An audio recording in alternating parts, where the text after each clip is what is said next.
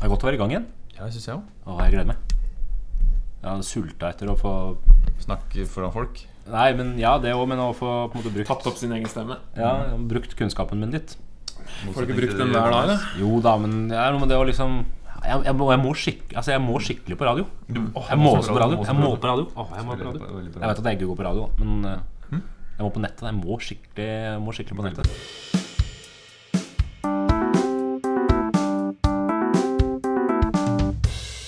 Den gang da. Hei, hei, hei, hei, hei, og velkommen til nok en episode med denne fantastiske historiske podkasten Den gang da. Det er godt å være tilbake. Vi har hatt en eh, noe lengre pause, da det har vært sommerferie og barnefødsler involvert. Men nå er vi eh, tilbake. Eh, Med meg har jeg som vanlig mine kjære kollegaer og helt ålreite venner Hans og Jørgen. Velkommen. Takk, takk. Takk, takk. Hyggelig å være her igjen. Skikkelig middels uh, Intro. presentasjon av oss. Men godt å være tilbake igjen. Ja, skal vi starte med det viktigste, da? Nå ringer telefonen min. Det er veldig Det er bra profesjonelt. start. Jeg Henning. skal- Ja, det klipper vi bort. Ja, det klipper vi bort. Ikke noe problem. Du har blitt eh, pappa igjen, Henning. Jeg har blitt pappa igjen, ja. Ja. Så det er derfor vi har brukt så lang tid på å komme tilbake. Og nå ringte eh, kona di, som du valgte å ikke ta. Ja, Ja. Det er sikkert noe krise i heimen. Det er det sikkert. Så det er ikke noe vits å blande oss opp i det. Nei, Nei, jeg kunne ikke tenk gjort på det nå, uansett. Så, ja. Nei, for episoden må jo spilles inn nå. Det er jo det er jo direkte. Ja, ja, det er jo direkte her. Men du har ikke tid til noe som helst lenger, Henning? Uh, Fordi du skal spille gitar to timer om dagen? ja, det er mye jeg skal ha gjort, men det får jeg til.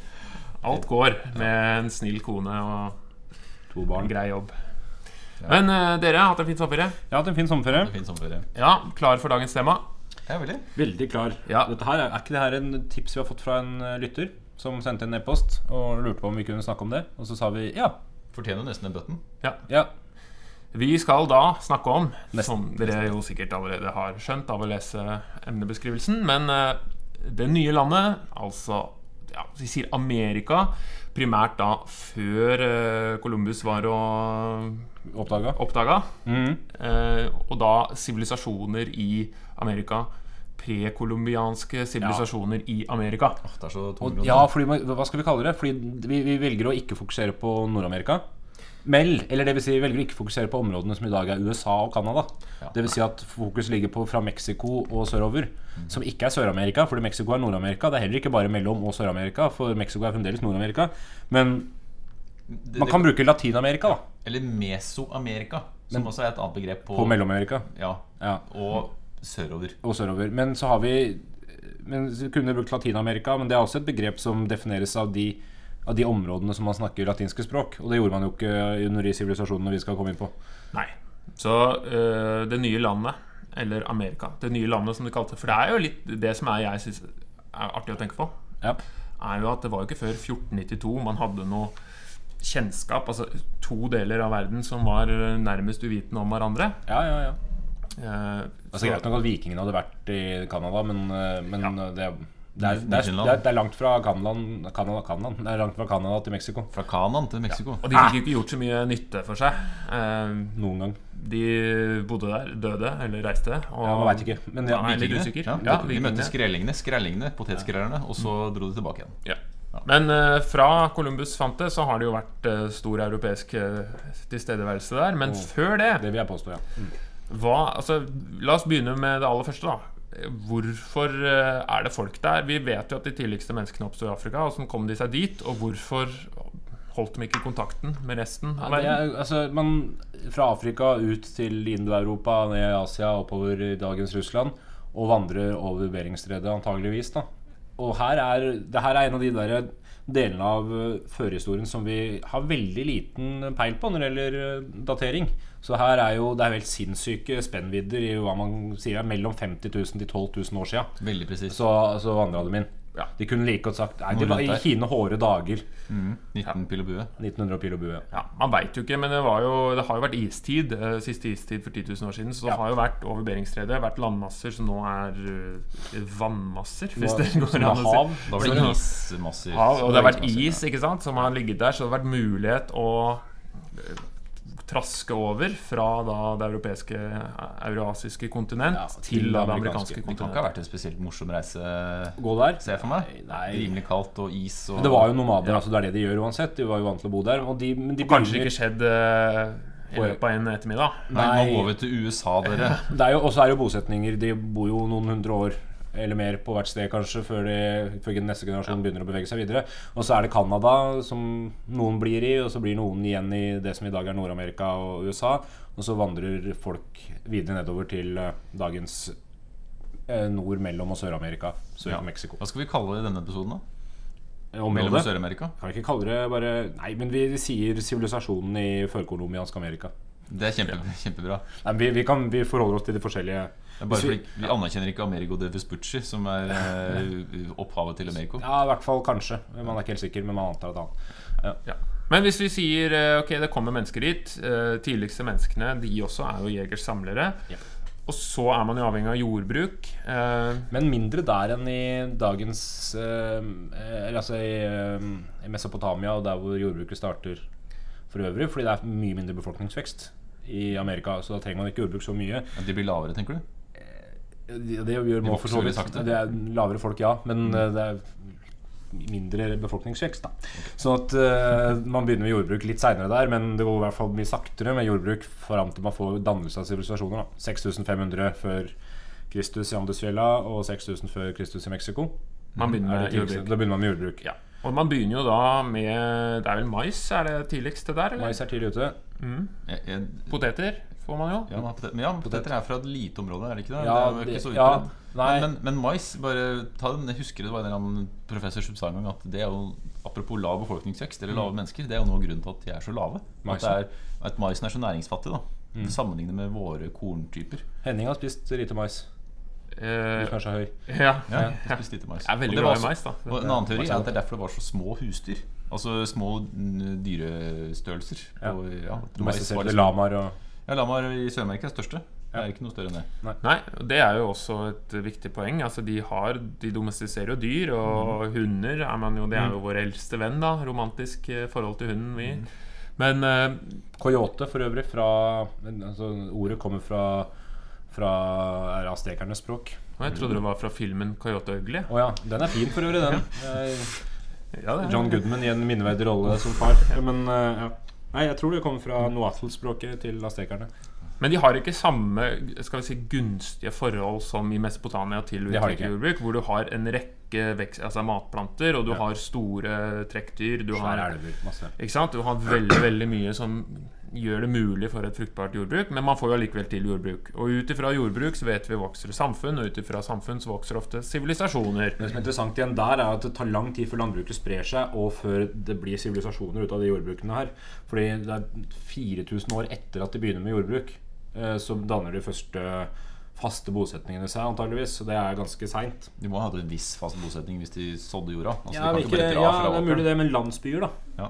Så, som kan minne om, om noe annet enn bare spredte gårdsbruk. Okay. Altså lands, landsbyer som minner om sivilisasjoner, kommer relativt seint.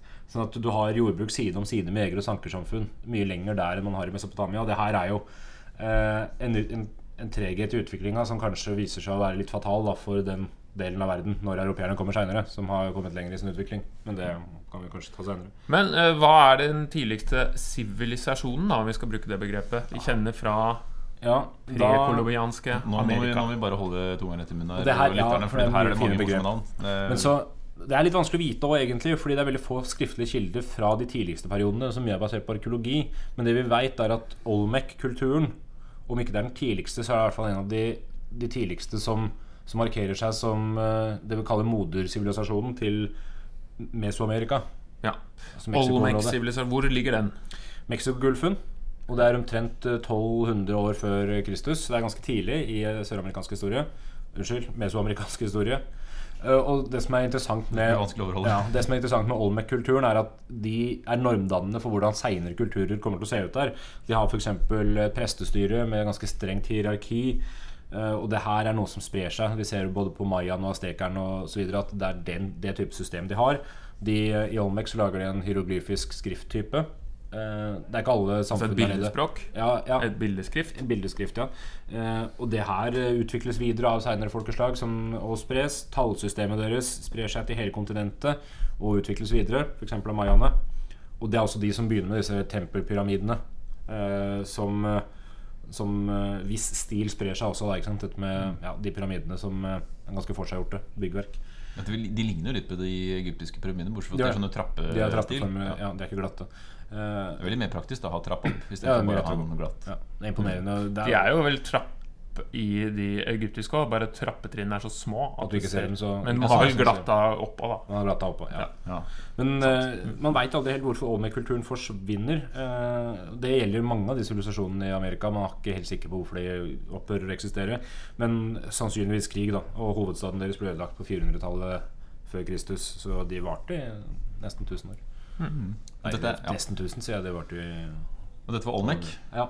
Ja, og så har du en Jeg vet ikke om du har, noe, har du den som ligner i navn? Toltec, tenker du på? Ja. Ja. eh, Toltec det, det er egentlig ikke en Det som er interessant med Toltec, er at det ikke egentlig er en typisk sånn fast bosetningssivilisasjon. Det er mer en nomadekultur. Og det de gjør, er at de vokser svære Flytta de med seg pyramidene? Ja, de bygde, bygde pyramider. Sånne flyttbare pyramider. Sånn som knappetelt i Forsvaret. Alle hadde én stein hver. Fikk små pyramider, da. Eh, og gassbluss. Nei, men de, de, de angriper og etablerte og bofaste eh, kulturer. Og så skaffer de seg rikdom på den måten, og de blir etter hvert da en nomadisk stormakt. Det høres rart ut. Litt som eh, eh. Mongolene? Litt som mongolene. En nomadisk stormakt i Mexico på 900-tallet. Mm -hmm. vi, vi er før Nei, nå- nei, nå er vi ah, vet du. vet, okay, okay. så de, de holder på lenger, men det er da de vokser seg store. Annet fordi de også dominerer eh, andre store kulturer etter hvert. Når, I Mayaene, f.eks., i seinperioden, så gå- mister mayaene litt av sin egen kontroll, og, og Toltec overtar litt av styringa deres. Skal vi gå over til Ja, du, du nevner jo Maya. ikke sant? Man har, mange har sikkert hørt om mayaene og inkaene. Ja, men det er ikke så lett å skille. Hva er, Hvis vi begynner med mayaene, da. Hvem var de, og hvor bodde de, og når bodde de? Det skal vi svare på, Henning. Fordi mayakulturen, altså det de fleste tenker på, det er jo mayakalenderen. Fordi den eh, har vært en eh, veldig sterk del av eh, en konspirasjonsteori om at verden kommer til å gå under. Eller en, eller verden Den gikk jo under i overtro. 2012, gjorde den ikke? Ja, hva tenker du skjedde da? Det var da Det var da filmen det var, kom, da. Det var jo kan Ja, jo det filmen, ja. som OL i London. Nei, Den filmen var jo ikke Den kan jo markeres som verdens undergang, kanskje? Når det gjelder film. At, at filmen kom, ja. Mm. ja. Poenget da var at denne mayakalenderen Den varte i 5000 år, eller noe sånt, og de hadde en sluttdato i 21.12.2012. Og derfor skapte dette en, en eh, forventning da, nærmest hos eh, mange om at da kommer verden til å gå under. Fordi Mayan angivelig da visste noe som ikke vi visste. ikke sant, om verden. Nå gikk det jo relativt greit, da, siden det heter 2017. Det spørs litt åssen du regner. Kan sikkert uh, bruke en annen kalender og tenke at Vår eh, kalender slutter jo hvert år. den slutter hvert år. Og det var jo nettopp det som kanskje er ankepunktet. da, At mayakalenderen også slutta kanskje fordi de tenkte at hvor langt trenger vi å skrive denne kalenderen? Antageligvis. I første omgang. Men de, men de hadde jo en kalender med 52 års sykluser. Så sånn Ja. så slutta den også være 52 år, og så begynte de med en ny syklus. Ikke sant? Og så hadde de ikke nedtegna den. og så, og så finnes det flere varianter av den. Den har bl.a. blitt meisla inn i trappetrinn eh, i store pyramider og sånn. Og tenkte at ok, hvis vi finner denne kalenderen og den slutter i 2012, så er det et eller annet her som er spennende å gripe tak i. Og så er det blitt veldig populært i, i populærkultur og myter om at verden går under. Dommedagsprofetier. Jeg kan egentlig være godt, Jeg kan jo gå inn på iPhonen min og så se hvor langt den kalenderen går. Ja, og så, Jeg tror den genereres, og den går ganske langt. Altså, det kan ikke du bruke resten av episoden nå på å Bla. Ja. Men skal vi, skal vi gå litt mer inn på mayaene? Ja, gå litt Ja, hvordan var de hvordan, Når og hvor? Når, ja, fordi dette er mye eldre kultur enn en de aller fleste Det er jo en av de aller første. Når, det er senere enn, Tol enn Olmec og Teotihuacan og sånn, som vi ikke har nevnt. Men, ja, men men den, den, man har på en måte spor av mayakultur helt fra 2000 før Kristus. Ja. Og det, det er den på en måte som har lengst spenn. Om ble ikke erobra siste by før i nesten 1700. 1697 var siste byen som falt for spanjolene. Og Mayane var eh, et, eh, et litt annet samfunn enn eh, de som var på en måte sentralt administrert. Det var mange småstater som kaltes maya-byer. da Bystater, ja. Bystater Litt à la kanskje ikke driste oss til å si polistater, det var, men, men de hadde de hadde et viss, en viss grad av selvstyre med, med en viss handel mellom seg. da Da var det også prestefyrster og Prestefyrster, ja. Og, og alle de kjente mytene om menneskeofring. eh, It's true. eh, De drev også med slikt. Eh, eh, Og et par av de kjente byene De har veldig morsomme navn. Jeg synes det er Uxmal, f.eks. Det er jo en eh, litt seinere by. Det er den klassiske Kunne perioden. høres ut som en småby i Sverige. Uxmal, ja. Uxmal. Uxmala. Uxmala. Men det er også, kan også være en sofaseksjon fra Ikea. eller noe gjør den ørngodt. For meg, ja. For, for meg er Uxmal for evig Maya. Så knytta til eh, Donald Duck, fordi jeg leste et tegneseriehefte om onkel Skrue, som var den siste keiseren av Uxmal en gang på 80-tallet. Mm. Så da fikk jeg se sånn eh, Karl Barks, trappe... Nei, det er en eh, annen italiensk tegner som Italiensk, heter eh, ja. Husker ikke. Eh, og så er det en annen shabby som heter Tikal. Og hvis du, hvis du skal på en måte på Maya-turné nå og besøke de kjente Maya-stedene, så drar du til Tikal. For det er nå en nasjonalområde med svære sånne trappepyramider. Og eh, angivelig på sitt største så hadde denne byen 100 000 innbyggere. Altså Er det- når- er det her- når det? det er 600-tallet? ja, 700 etter Kristus. Ja, fordi det er, de når toppunktet sitt på 600-tallet, liksom klassiske perioden. ikke? Jo, ikke sant? Og dette er, den perioden varer helt til ca. 800. Da på en måte folk flytter fra, fra byene uten at man helt veit hvorfor. Og så sprer maikulturen seg til mindre Ja, Men nordover, gjør de ikke det? Fordi de sør, Da, da vikingene kom cirka, så kanskje vi har hørt om eh, Ja, de hørte om det. Men fordi det er, det er sørlige kulturen opphører Ja. de, de, de forlater byene sine på 800-900-tallet, og så vandrer de nordover. Men uh, Henning stilte masse spørsmål her. eh, Ja, Nei, ikke så langt nord. Maya-kulturen er en avansert kultur med et, det beste, eller det beste, altså det mest avanserte skriftspråksystemet og talesystemet i hele Mesoamerika. Men her må jeg bare få skyte inn i til forsvar for Olmec at Ja, eh, du er mer glad i den? Ja, nei, at, at mayaene jo videreutvikler tallsystemet til Olmec. Ja, de finner ikke opp, nei. nei. Hva, hva, hva er basetallet i det er tallsystemet? 20-tallssystem. 20-talls- ja, ikke sant, De teller de 20 liksom franskmennene. De, de snes. som Men de, opp, men de oppfinner Ja. tallet null. Er Er ikke det, er er det de ikke det er? India? Er ikke det India?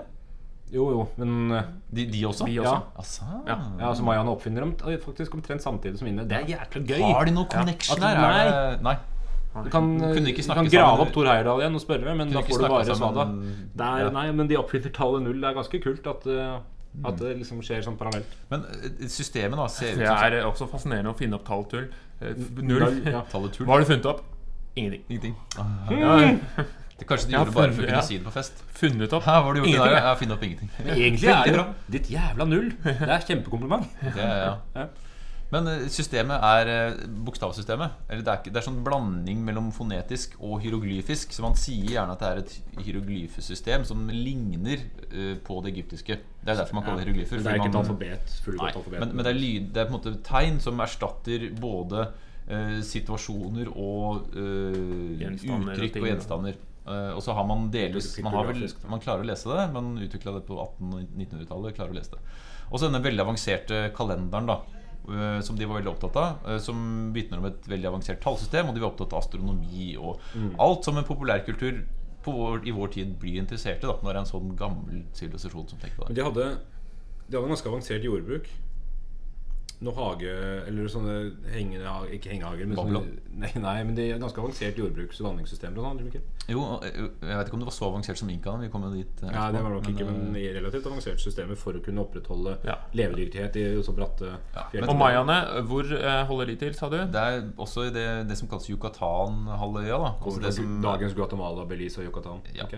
Altså Der hvor omtrent litt sør for Mexico. Blir ikke det riktig? Eller blir det omtrent også en del av Mexico? Mexico ja, halvøya. Men eh, det er noen fun fact her. da Vi må jo ha det, det er, Blant annet så spilte de fotball. Ja. Eh, så det var ikke britene som fant opp det, det var mayaene. ja. Det er fortsatt, I det kontinentet så er jo fotball fortsatt viktig. Det er viktig. Og det, dette var en litt annen form på fotball, men det ligner fælt. De skulle ikke ta ballen med henda. Det var ulovlig. De skulle bare sparke Og så skulle de sparke ballen opp i Det var en sånn gummikule. Så de, hadde, de kjente til i hvert fall runde gjenstander.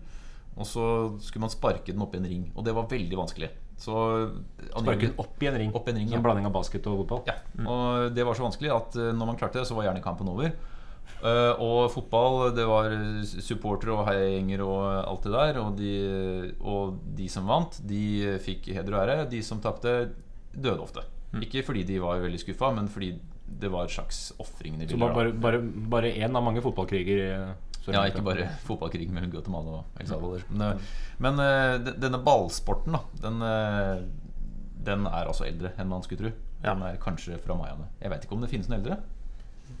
Jeg vet ikke, jeg heller. Jeg vet ikke. Usikker. Jeg Om det var gøy eller ikke, det er jo et annet Jeg vet at vikingene drev med ballsport, men det er jo heller ikke eldre. Nei, det er jo nyere. Nyere eller samtidig. Litt avhengig av når Mayaene kom på det. De hadde jo veier med fast dekke. Det synes jeg at De hadde veldig godt, gode veier, men de kjente ikke til vogner og metall. Ja, for det er altså et, eh, Det er gøy å ha veier uten vogner. Ja, men man hadde sprade, løpere. Var det ikke det man Ja. brukte istedenfor? For Altså, mellom- for det er jo litt artig med i hele denne, dette kontinentet, så hadde man ikke hjul. Nei, hadde ingen hjul? Man har funnet en leke i Mexico, slik jeg har forstått, med hjul. Da Altså- flaks. Et, et, en leke som har hjul, Men de overførte det ikke til. men overførte det ikke til transport av Sånn, ja. gjenstand. da er Eller litt- vogner, rett og slett. Omtrent som at Legos eh, gummidekk er de eneste dekkene som hadde blitt produsert. Man skjønte ikke at man kunne bruke dem på bilene. Ja. Og litt som at romerne kjente til dampkraft, men Brukte brukte slager. ja, Det er ja. ja. Så hadde ikke hjul, og, så, og man hadde jo ikke disse store trekkdyrene som hest og ku og okse, som man har Nei. her i, på vår del av verden. Nei, nei. Så, så man brukte jo lamaene, som, eller kanskje ikke ja, det er Peru, men som fraktdyr, og så løp man fra Det var effektivt, sikkert. da Ja, Vi hadde noen folk som var veldig gode til å løpe. Spilte Absolutt. fotball på dagtid, og så løp de ribba. ja god form, da. Men ja, det var mayaene. Det er mayaene. Kjapt, Kjapt og greit. Ja, kjapt og greit. Men altså, de opphører jo å eksistere. Som vi sa, 700-800-tallet. Forlatt blir disse byene da. Og så Altså, men, men de lever fortsatt i noen andre byer, og så de, de. blir de endelig erobra på nord i 1697. Da er det Ja, siste det, det er de nordlige områdene. Ja. ble erobret da. Men det som er litt interessant, er at man ikke helt har svart svar på hvorfor de sørlige områdene blir forlatt. Man har ikke noen enhetlig akseptert forklaring. Man kan på 700-800-tallet som man kan påstå at det kanskje har med tørke å gjøre. Og sånn sett dårlig vanning og muligheter til jordbruket, men man veit ikke helt, så det blir litt Men gjetting. det er jo sårbart altså Hvis man lever så tett på et, øh, på et lite område, og mattilgang og dynastiproblemer, kanskje, at det er Men det som jeg syns er jo fascinerende her, som kanskje er fascinasjonen, er jo at det er jo skjer en utvikling samtidig, uavhengig av hverandre. Altså Du har sivilisasjonsfremvekst i, da, i Amerika. Mm. Samtidig, og så har du det også da i eh, Eurasia, altså vår del av verden. Men man veit ikke om hverandre. Det, skjer, det sier litt om menneskelig natur og liksom hvordan vi strukturerer oss. Og du, ja, Ja, at, de, at de utvikles på noenlunde samme måte. Og at de bygger pyramider, det er jo kjempespennende. Ja. At det er øh, Den type jeg tenker, Det må jo ha noe mye guddommen å gjøre. Altså sol, soltilbeding. Ikke ja. sant? Nå, nå, var det, nå var det I mayakulturen var det sånn at lederne var også sånn halvguder. ja, ja, og det, og det Altså, gjelder for ja, øvrig de fleste, det gjelder de fleste andre Ja. eh, riker her nede òg. Men vi må videre, tror jeg. Skal vi ja det, eh, Kort og greit om Maya. Skal vi gå til Inka? Nei, Aztek ta aztekerne det- Hvis du tar det litt kronologisk, så, Ja. så er aztekerne de, de er en ganske variert eh, folkegruppe, kan du si. Eh, og, de, og de er et av de eksemplene på riker som har satt ganske store spor etter seg, men som varte ganske kort relativt sett i, i riksdannelsessammenheng. Så, så kan man se at de er nordboere, og da mener jeg nordboere relativt sett. Nord i sør. Sør? Nord i Sør-Amerika, altså fra Mexico-området. Eh, vandrer sørover og lever i utgangspunktet som leiesoldater og slår seg opp som leiesoldater på 1300-tallet. Fram til 1428. Og her begynner jo liksom Dette her er en av de eksemplene hvor man faktisk har litt skriftlige kilder, sånn at det er lettere å, å vite når ting skjer. Eh, de var i utgangspunkt underlagt det som en gruppe som kalles eh, tepanekerne, eh, men gjør opprør da i 1428. Eh, og knuser dette tepanekerriket da et par år etterpå, i allianse med noen andre stater. Tetsuko og Tlatelolco. Godt sagt. Eh, og og de, de er såpass store at dagen, ordet Mexico i dag, Mexico, er utleda av aztekernes eget navn på seg sjæl. For de kaller seg for Mexicar eller Mexicar eller Mexicar eller et eller annet. Hvordan du uttaler det. Så de er fortsatt i Mexico-området. De er i Mexico-området fremdeles. Uh, de oppretter den ganske heftige by, Tenochtitlan, Mm. uh, og tar makten over eget område Ja, på ja. 1430-tallet. Og De som spilte gamle dataspill eh, som jeg gjorde på 90-tallet, de husker jo Civilization, selvfølgelig. Og Mm. der var jo aztekerne med Montezuma, eller Montezuma. Montezuma, ja. Eh, Da var hovedstaden til land, så var det andre masse, masse rare navn på byen, husker jeg. Når jeg var fine- 14 fine. og skulle lese de her. Det var Og de har mange jeg. Ja, men vi kan komme til. Yes, og jeg skal nevne, vi skal nevne et par av de etter hvert her, fordi de er ganske viktige, f.eks. guder og herskere. Eh, men Tenochtitlan, denne store byen, den vokser fram fordi de klarer å alliere seg med andre stater. På en litt sneaky måte. De allierer seg for å utvide maktgrunnlaget, og så kan de gå imot disse samme folka seinere for å etablere makt andre steder. Og det gjør at aztekerne også på den ene sida vokser og blir mektige, men på den andre sida får ganske mye ytre fiender. Eh, og Tenochtitlan finansieres da av avgifter fra erobra folk, og ikke minst gjennom krigsfanger. De få krigsfanger som blir brukt som slaver. Men det folk kanskje tenker på når de tenker på aztekerne, er også de ganske heftige offerhandlingene de driver med overfor gudene Menneskeofringer. ja. menneskeofringer. Fordi disse krigsfangene som blir brukt som slaver, blir også brukt som offer, offerobjekt. Fordi man, man har en ganske eh, jeg, jeg vil påstå at det er en ganske pessimistisk religion. Fordi de finner ut på et eller annet tidspunkt at, at de, de må, de må ofre mennesker for å blidgjøre gudene. Og det er ikke smått heller det er snakk om. De, eh, du, de har mange guder, og spesielt denne guden som heter eh, Nå skal jeg prøve å uttale dette riktig. Han som sa på Eh. Ja, Huitzilopochtli. Huitzilopochtli. De ofrer mennesker til ham på steinalter ved et tempel, der eh, de bedøver eh, med en eller annen giftig drikk, og så skjærer presten ut hjertene. Så de fikk bedøvelse, Levende. altså? Ja, lite grann. da Jeg vet ikke Det hjalp sikkert fælt. Det hjalp sikkert kjempemye. Skal bare gjøre et lite innsnitt der. Bedøvet med giftig drikk. Det kan jo også hende at det bare så bedøva uten at det var dritvondt. ja. Og så skar man ut hjertet da mens offeret levde. Og så gjennomgående ca. 15 000-20 000 menneskeofringer i året. Og det er ganske mye. Det er Mye hver dag, det. Det er Du må hver dag. tilgang på mennesker for å klare det. Ja, og det er mye krigsfanger, altså. Men du har på en anledning der åpninga av et tempel i 1487 Det store tempelet. Det store tempelet i 1487 i Tenochtitlan. Se for oss nå, hvis man skulle gjort det samme når man åpna Hardangerbrua eller noe sånt, så, Så du alle så varierer det tall her, men la oss si ca. 20 000 mennesker da, som blir drept i offerhandlinger ved den ene anledninga. Tallene varierer fra 4000 til 80 000, avhengig av om du spør uh, aztekerne sjøl eller spanjolene som kom noen år seinere. men uansett så er det ganske heftig, eh, dette her. Til tross for ondskapen, eller kanskje litt pga. den litt grusomme kulturen, så klarer de da å ha et ganske velfungerende statsapparat som styrer over intet mindre enn 25 millioner mennesker. Det er mye folk. Det, det vil si at de har ganske heftige områder. Bare til Noctitlan så er det 300 000 mennesker. Det er, det er svært for å være på den tida her. Det er større enn de fleste byer i andre områder i verden. Større enn Drammen i dag. Mye større. Mye større enn Drammen, større enn Bergen. Altså, jeg, jeg vil bare liksom eh, Er det ikke en Ina Jones-film hvor eh, det er en sånn offerscene? Husker jeg så den der Kalima. Er det det? Det er Jeg fikk en sånn traumatisk eh, der. Kalima, det er India, det. Kalima, er det det? Det er India. Uansett, men jeg ser for meg denne, dette offeret hvor, uh, hvor på en måte, presten sier ting mot sola, og så skjærer han et snitt, og så tar han ut hjertet. Og så har du en jeg har bare en, en liten beskrivelse av den menneskeofringen. For man, man er fascinert av det makabre, selvfølgelig. Og det er, altså, man holder offeret fast da, på en buet stein, og så er det en fem, altså, fire stykker, og så er det en femte som skjærer ut det bankende hjertet, og så holder han opp mot sola og sier noe. Et eller annet. Eh, men etter det Jeg ler, eh, det er jo ikke meninga. Eh, så ble hjertet lagt i en krok, og så ble det brent. Og hva gjør man med liket? Jo, det kaster man ned trappene. Armer og bein hogges av og spises seremonielt. Og så hogger man hodet av, og så setter man det på en stolpe. Og så henger hodet der til kjøttene råtner bort. Ja. Kjære, hvordan har helga di vært? Ikke spør. Nei, ikke spør. Det er en ganske hardt. tung dag på jobben. Og så hvis man skal gjøre det her Jeg vet ikke om man gjør det med alle, men øh, tar tid, da. for et, deg- for et tenk- likskue. Ja, Altså, men tenk deg hvor blasert man blir når man har stått hver helg i et år og sett totalt 20 000 menneskeofringer. Hva slags menneskesyn du får på slaver. og tenk på senebetennelsen du får når du liksom skjærer ut med samme snitt hver eneste gang. Hvilket menneskesyn man får på slaver, ja.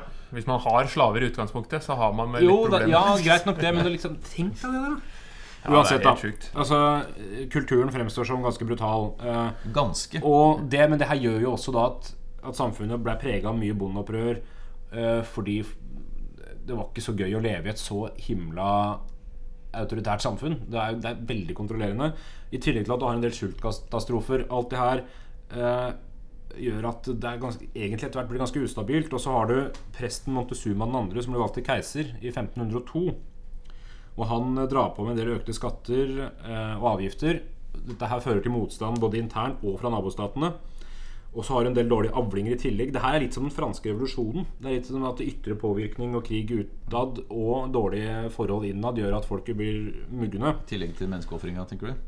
I tillegg til det, da. Og så har man i tillegg en ganske heftig religiøsitet her, som gjør at du har en dommedagsprofeti i 1510 da noen ser en komet. Og dette her blir tolka som at Toltec-guden da kommer Toltekeren inn igjen. Den gamle Toltek-guden eh, Quetzalcoatl. Eh, er- ja, samisk er Ja. Quetzalcoatl. Quetzalcoatl kommer tilbake fordi han var misfornøyd med offergavene. At det var ikke nok? Nei, jo, du skjønner du Enda mer! Nei, nei, det her er helt på ræva, fordi man mente at ifølge mytologien så ville han bare ha slanger, jade og sommerfugler ofra til seg. Og du gir Men så meg små jeg- menneskebarn! Ja, mens presten hadde bare ofra mennesker. Ah. Og så mente man han var, han var på vei tilbake. Men det som da skjer, er jo at du har mye indre splittelse. Og, når, og han skal vi snakke litt om etterpå. Når Hernan Cortés kommer i 1519, så, så er det litt lett for han å spille på nabofolks eh, uenigheter med aztekerne for å ta aztekerne. Og Montezuma og den andre tror i tillegg at, eh, at Cortés kanskje er denne guden flaks. Så han tar han høflig imot, og så blir han eh, da arrestert. Og så blir aztekerne erobra i 1521 av Cortés. Ja, eh, men før vi kommer til eh, Europeerne? Skal vi kjapt sveipe innom eh, Inkaene? Inkaene, ja, inkaene fordi inkaene ja. er jo Nå skal vi til Sør-Amerika, da. Ja. Eh, og vest, det som er dagens Peru, eh, og deler av Ecuador og deler av eh, Andesfjellene? And, ja, altså, de holder til i Andesfjellene, da. Eh, og inkaene var et, eh, var et folk, Fjellfolk. fjellfolk, som eh, ikke besto så lenge. Det er snakk om en hundreårsperiode mellom 14, Ja, det er det 1430? Er det det? Ja, så det er jo mye 14, 1438 har jeg tall her på til 1533. Og det, det er på en måte når, man regner som grunnlegging av Inkariket. Og man har et par grunn, grunnleggere med navn. Mm. Blant annet den store Manco Capac, som er regnet som en sånn slags gudeskikkelse. Og så hadde du et annet navn der, Hans? Hadde du ikke det? Ja, jeg er litt usikker faktisk på om det er, det er mulig det her sammenfaller og er et annet Nofos navn så samme, samme typen. Eh, Panchakuti Inka, kongen, som eh, fra 1438 begynner en del landerobringer. Ja. Eh, jeg er litt usikker på om det er samme type. Men, men Manco Capac eh, for, eh, er mye populære referanser her. Men de som har lest Donald igjen, Ja, ja. de husker selvfølgelig Don Rosas 'Solens sønn', som, eh, som bygger på eh, denne myten om inkaene og masse gull og greier. Eh, Og uh, inkaene var et fjellfolk, som du sa. Eh, hadde ikke noe særlig skriftsystem. Hadde et eh, tallsystem basert på knuter som man kunne lese. Man kunne gi beskjeder. Og de var også et løperfolk, som du nevnte, Henning. Altså De løp med beskjeder. Og de hadde veldig veldig avanserte veier. Bygde flotte veier i fjellsiden. Og sånne store fryktinngytende hengebruer lagd av gress. Dere kan jo bare tenke dere hvordan det er å løpe over der på denne hengebrua som eh, måtte repareres én gang i året. Da fletter man nytt gress osv. Det finnes faktisk gressbruer i dag, i hvert fall én, som er av inka-herkomst. Som man fortsatt reparerer da, i årlig som en sånn slags ritual for å holde de man fortsetter å reparere den, ja. Ja. Når det visner. Ja, det visner gress og bruer. og et relativt sårbart system, da, fordi hvis én brud detter ned, så faller hele kommunikasjonsflyten sammen. Um, men inkaene, de var, eh, de var eh, mektige. Det sies at på begynnelsen av 1500-tallet så var det verdens største rike. Ja, det Det kan Så det er, øh, jeg arresterer meg gjerne, men øh, det er en kilde som sier det. Um, de Sa, var, sa, men sånn de hadde omtrent 15 000 km brolagt vei? det kan stemme, det. Jeg har Fra, ikke, fra Cusco, hovedstaden, og utover til områdene? ja, det, ja, altså rundt i fjellområdet. Ja, ja.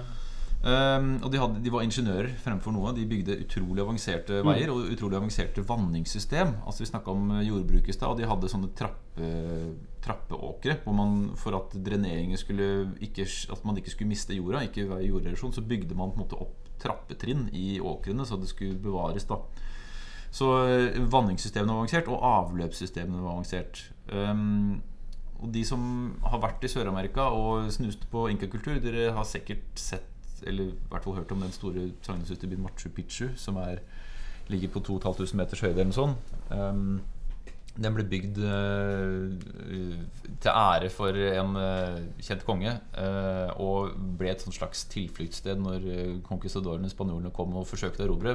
Oppdaget ikke byen. Eh, fantastisk skue. Du har sikkert sett bildet av den. Den ligger midt oppå en fjelltopp. Ja. Og, og var på en måte et slags tilfluktssted, men også et sånt ja, Kall det feriested, men eh, tilbaketrukket sted for uh, inkakongen. Og Her kunne det bo noen tusen mennesker. Og her Utrolig avansert vanningssystem. eh, Masse avløp og eh, avanserte demninger og sånn. Blant annet så hadde inkakongen eget badekar. eh, Og hadde eget avløpssystem til badekaret som gjorde at vannet fra badekaret hans aldri var i kontakt med vanningssystemet. Nei. Så man ikke skulle få badevannet hans. da Det hadde jo kanskje vært greit hvis det var noen avføring, og sånt så kunne du gjødsla, men eh, det var sikkert noe rituelt forbundet med det. Avføring i badekaret, tenker du på? Hva, hva, Jeg vet hva ikke hva Men er det mye likheter? Altså, hvordan styrte de samfunnet På ganske lik måte. Det, det er jo men, ja, det, det, det, er, det er et erobringssamfunn, det her òg. Ja, de, de legger under seg riket rundt. Og, og er krigere. De er flinke krigere. Og det sies også at de var veldig I en krigssituasjon så møtte de masse ikke så godt organiserte Mm. kulturer. Mens de selv var veldig godt organisert, så tjente masse på å være altså Hvis alle den hoplittfalansen da, i, i eh, gresk eh, og antikk kultur, så kunne man på en måte så, så var samholdet i krigskonstellasjonen viktig, og gjorde at de vant Men det, Det er vist seg gang på gang, det. At At det funker. det Samhold, ja. Men Samhold men på det samholdet her så har de jo Det er ganske tydelig hierarki. Det er én ting at du har herskeren Sapainka, ja. uh, solgudens sønn osv. på toppen. ikke sant? Og inkaene i folket de utgjør adelen, og så har du underkua folkeslag som arbeider underst. Men de har samtidig det som best kan beskrives som en sånn planøkonomisk sosialismemodell. Så- Kommunister. ja, mer eller mindre. Altså, landsbyen eier jorda. Sant? Og så fordeler man den på familier basert på størrelsen på familien. Og så må alle arbeide på felleseid jord for å forsørge gamle og syke. Og det overskuddet av avlingene som ikke blir brukt, det, det lagres til magre tider. Ja, og det leste jeg også om at eh, de hadde en veldig god De nærmest frysetørka maten, da, der det var, for det var så kaldt og tørt. Så de, kunne, de hadde til enhver tid eh, mat for flere år framover. Ja. Så de kunne takle tørkeperioder veldig godt. Fantastisk system. Det er det. Og så, Opp, opp flere år, altså sånn seks-sju års lagring av mat. Hvor man kunne og så liker jeg det, og det her er i kontrast til hvordan det var i Europa på den tida. Altså undersåtter som blir inndelt i administrative enheter, og så blir de tildelt oppgaver basert på evner og hva slags opplæring de har. Ikke basert på hvilken familie de er født inn i. det, fant ikke, det. det fant ikke britene ut før på 1800-tallet. Nei, at man, Et at, at, meritokrati, altså rett og slett at dine evner skal avgjøre din Ja, det er ikke så dumt. Som, som du sier, som, som du sier Britene fant jo ikke ut det der før seint. Altså at, at det kanskje ikke var lengden på barten som skulle avgjøre hvor høy eh, forsvarsstilling du hadde. i Men de har jo øh, sånne halvgudkonger og ledere der og Ja, sånn. Ja, vi har jo en som heter Atahualpa, som var, eh, som var en historie. Vi kommer, skal vi, vi kommer inn på han når vi snakker om Pizzaro etterpå, men jeg kan bare nevne en annen morsomt nå. Det var en av Atahualpas generaler eh, som het Quiz Quiz. Altså Ja. som i med QUIZ. Quiz Quiz. Så To ganger quiz-quiz. Quiz Quiz, ja. Og det betyr altså leder, ikke quiz, da. Ja. Men de, Men jeg lurer alltid på sånne, sånn, Det er jo mange eksempler på så faraoer som levende guder, og her også, ikke sant. Solens sønn og sånn. Altså den personen som faktisk besitter denne posisjonen, da. Tror du de føler seg noen ganger litt som sånne eh, bedragere? om du tviler Ja, om de tenker liksom jeg er jo bare en vanlig mann, jeg. Men men hva er de det? Ja, eller om de tror selv på sin egen guddommelighet. hvis, Det spørs hvor lenge det har blitt fortalt det, da. Altså hvis, Ja. du, hvis du har blitt opplært til det, så er det ikke noe grunn til å tvile. Jeg vet ikke. Du har jo ingen evner utover andres evner. Ja, men Du evne- kan jo ikke trylle. Nei, men trenger man det, da? Hvis du har evnen Ja, til å hvis, du er, hvis du påstår at du skal være halvgud, så hadde jeg forventa litt trylling. Nei, ja, du ja. Det er fordi du er innsnevra når det gjelder religiøse perspektivvending. Altså, hvis, du ser på, hvis du ser på deres evne til å lede et folk, eller til å kontrollere at Hvis det blir regn fortalt Ja, eller tørke For det tror man jo. ikke sant? Og Hvis du da anerkjenner at det er fordi de ikke har ofra nok eller ikke gjort nok for kongen sin, at det blir regn og tørke, så er det jo ikke kongens skyld. Da har jo han evnene. Det er folkets skyld. på andre, ja. Hele tida folkets skyld. Det er jo klassisk, er det ikke det? Alltid folkets skyld. Til og med Jens Stoltenberg eh, og Jonas Gahr Støre nå da sier jo det at eh, det er velgernes skyld eh, at eh, Arbeiderpartiet har At det ikke stemmer dem, ja, det er riktig. Ja, ikke sant? ja. Nei, men vi går videre. Inkan er mer å si. Ja, skal vi Jeg vet ikke om vi går til dagens ord eller gjerning først? Ja, vi må jo snakke om når europeerne kommer. Åssen Ja, går det med disse Ja, det, det går jo ikke så bra. Fordi eh, altså, Du nevnte et årstall i stad. 1487 var eh, det store tempelet i Tenochtitlan ferdig. Og så går det jo ti år, og så kommer, eller fem år, da, og så kommer europeerne. Og dette er jo ditt felt, Henning, men hva, hva skjer når eh, europeere kommer og møter disse Ja, Vi har vel nevnt det tidligere, men altså, det er jo selvfølgelig krigføring. Og europeerne har jo har jo, har jo skytevåpen og full pakke allerede da. Så, så de er militært eh, overlegne. Eh, så har men de- har også med seg sykdomsflora som jeg kaller amerikanerne nå, da ikke er vant til. Og det har jo med at eh, de ikke har hatt disse dyra som har de, ja, vi har hatt i Eurasia. Så i, på, i det eurasiske kontinentet så har de utviklet et immunforsvar mot en rekke sykdommer gjennom å ha levd oppi hestemøkk i, og kumøkk i liksom tusenvis av år. Men så drar de med seg dette sykdomsbildet over til eh, den nye verden. Og der blir jo disse folkene som bor der, møtt med sykdommer de aldri har hatt før, og dør som fluer, er altså, nærmest. Det er jo helt man, man snakker om, man snakker om svartedauden i europeisk historie, og den er så viktig. Man fokuserer på den fordi 60% av Europas befolkning dør. 90 omtrent av, den, av amerikansk befolkning dauer jo. Av, ja. ja, det er jo helt sinnssykt. Altså 1519 så regner man ca. 21 millioner meksikanere. I 1565 så er det 2,5 millioner igjen. Og i 1607 er det 1 million meksikanere. Så det ble redusert da fra 1519 til 1607, nesten 100 år, fra 21 til 1 million. Ja, det er helt vilt. Og det samme i Peru. 11 millioner til 1,5 millioner. Og de sliter med ganske for europeerne vanlige sykdommer. da Vannkopper blant annet Tok voldsomt med liv, eller, hvis jeg ikke tar feil. Og små, eller var det kanskje kopper? Kanskje kopper. Jeg husker ikke. europeerne kom, det er første gang en kar hoster. Ja. Oi, så gærent er det ikke. Men, det, men tenk deg konsekvensene der. Alle Men- kulturene som forsvinner. Språkene. Men skal, Og dere snakker om de gøye orda. Ja, og kunnskap som forsvinner. Altså, det er jo Ja. Ja. Og det er ikke alle disse som har bevarte skriftkilder. Mayaene har en del som er bevart, og inkaene har jo ikke så mye. Og aztekerne har noe. Men vi kan jo komme inn på, siden vi snakker med europeere, et par gærninger, da. eh, For å gjenopplive den gamle spalten Ukas gærning. Herna Cortes Cortés først. Som eh, slakta det astekiske riket eh, på, på 1520-tallet. Det tok ikke så lang tid. Fikk, eh, han han sjøl var jo en, en erobrer, en conquistador. Eh, conquesta, altså erobre. Han Conquer. var flere ganger i dette relativt ugjestmilde området og mm, dro tilbake igjen. Bass på Cuba. Og eh, til slutt så fikk han ikke lov til å dra mer, men stabla på beina en egen eh, ekspedisjon basert på egne midler og troskap til seg selv som person. Fikk med seg noen folk. Jeg lover dere gull. Og ja, de fant gull.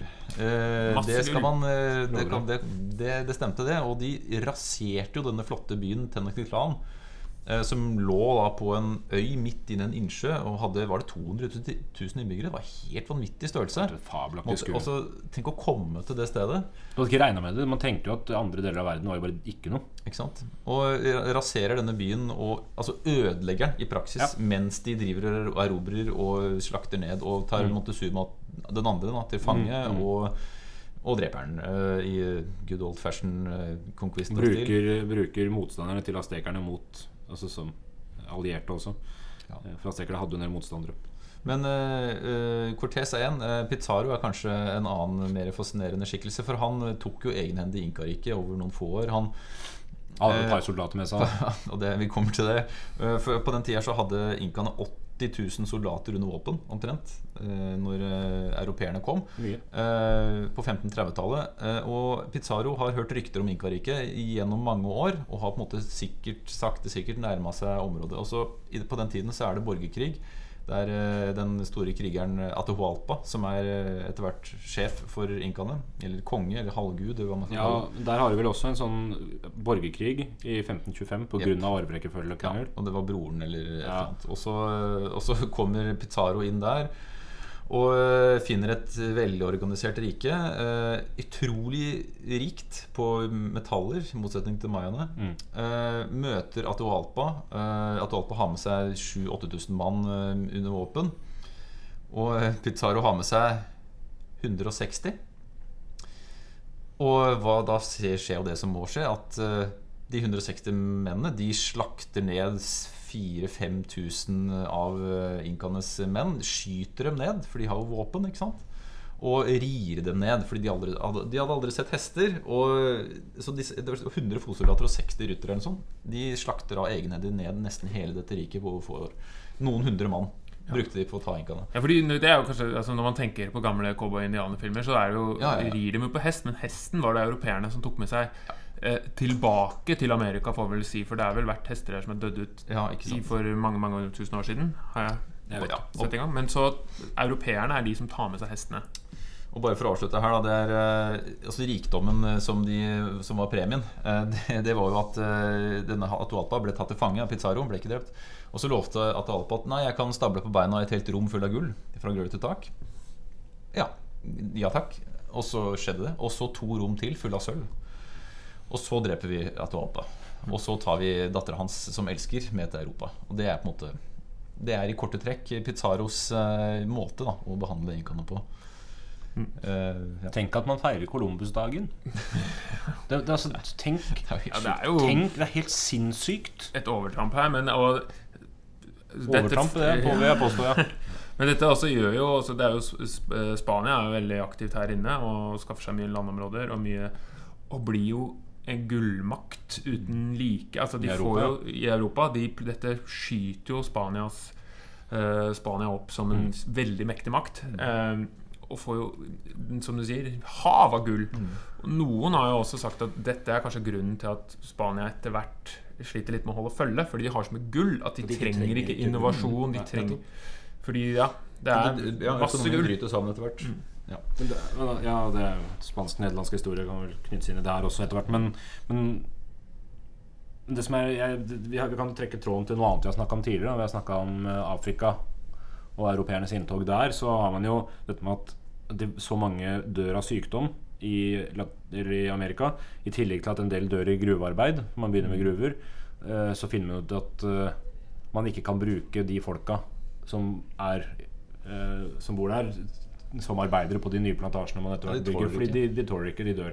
Man bruker dem en stund, og så dør folk. Og så sitter du igjen da med Ja, en million mennesker istedenfor 21. Og så begynner man å hente slaver i Afrika isteden. Fordi der er det mer motstandsdyktig mot sykdommen til europeerne. Det er, det er utnyttelse som er helt fabelaktig. Ja.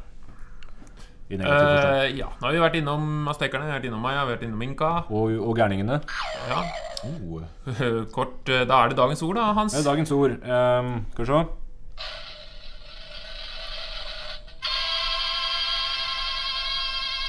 Ja. Jeg velger å gå via testikkel uh, fordi Hvis vi tenker på testikkelformen og sånn, så Skal jeg tenke på den? Tenk på den, nå. Ikke, ikke så Jeg tenker på den. Mhm. Du tenker alltid på den, Henning. Så, eh, på, på, altså, disse forskjellige gruppene har jo forskjellige språk. Inkaene har eh, eh, Quechua-språket. Eh, Aztekerne har Nuatl. Trodde de snakka spansk? Nahuatl. Ja, nå gjør de det. Nahuatl-språket. Eh, på aztekernes språk Nahuatl så betyr testikkel ahuakatl. Ahuacatl. Ahuacatl. Og, ja, og ahuacatl eh, vi, Det er ikke trøndersk. Ahuacatl. Ja. Nei, ahuacatl. Eh, hvis vi vandrer via spanjolene som kommer dit på 1600-tallet, eller som kommer dit før, men på 1600-tallet, eh, begynner å bruke noen av disse ordene og oversette det til sitt eget språk, så forandrer de ordet ahuacatl til aguacate. Og aguacate er formen for det moderne ordet avokado. Fordi ordet på, på nahuatl for avokado og for testikkel er, betyr det samme. Det er det samme ordet. Altså, poenget er at ahuacatl er testikkel og avokado for, på grunn av formen. Så når vi snakker om avokado, så kan man også snakke da om, eh, om herre. Eller? Litt avhengig av person størrelsesmessig, ja. Nahuatl molly betyr guacamole. Eh, molly, måle. Saus eh, eller mos, da. Ja. På dette så språket. testikkel. Mos testikkel. Det er det jeg skal tenke på neste gang jeg spiser taco. Det er... Jeg gang jeg spiser dip. Ja. Tacodip. Takk for det. Det var dagens Eh, ord. Ja, dagens ord, ja. Men uh, det, er, det er jo verdt å si mye god mat vi har fått fra amerikanske mye mat. Mais, Ja. lefser og Mais, ting. taco, Ja, tacokrydder. Ja, taco, fredagstaco. Og ikke minst sjokolade. Ja, det er sant. Åh, Som for øvrig også er et ord fra Ja. Og poteten. Og poteten, ja. Som jo fikk stor betydning for eh, norsk eh, befolkningsvekst på 1800-tallet. Som vi har kanskje nevnt Så vi kan takke Om ikke tacoen kom, så var det i hvert fall poteten. Den Ja. var jo utrolig viktig for oss. Tacoen kom til Norge på Ja, den kom til Norge på 1700-tallet. 1700-tallet. Viktig Ja. Fredagstradisjon siden 1780. Santa Maria. Ja. Tror du går til fremtidens historikere om eh, 500 år ser på liksom tacoens betydning for det norske samfunnet i eh, Ja, i for, ja. Ja, den redda, og- inntak av grønnsaker for barn. ja. Du har jo The Great Potato Famine i Irland. Kanskje The- The Great Taco, Taco-famine. Ja, Du har smørkrisa for noen år siden. Ja, det- så er det tacokrisa. Alle skjellene blir for sprø, de knekker, og du får ikke i deg maten. Oi! Ok, Skal vi si uh, takk for oss? Vi er i gang. Det er godt. Eh, så da sier vi fortsatt uh, god sensommer hvis dere hører på dette på sensommeren. Hvis dere hører på juletider, så får vi si god jul. Jul, god jul. Ja. Takk for nå. Takk for nå. Ha det.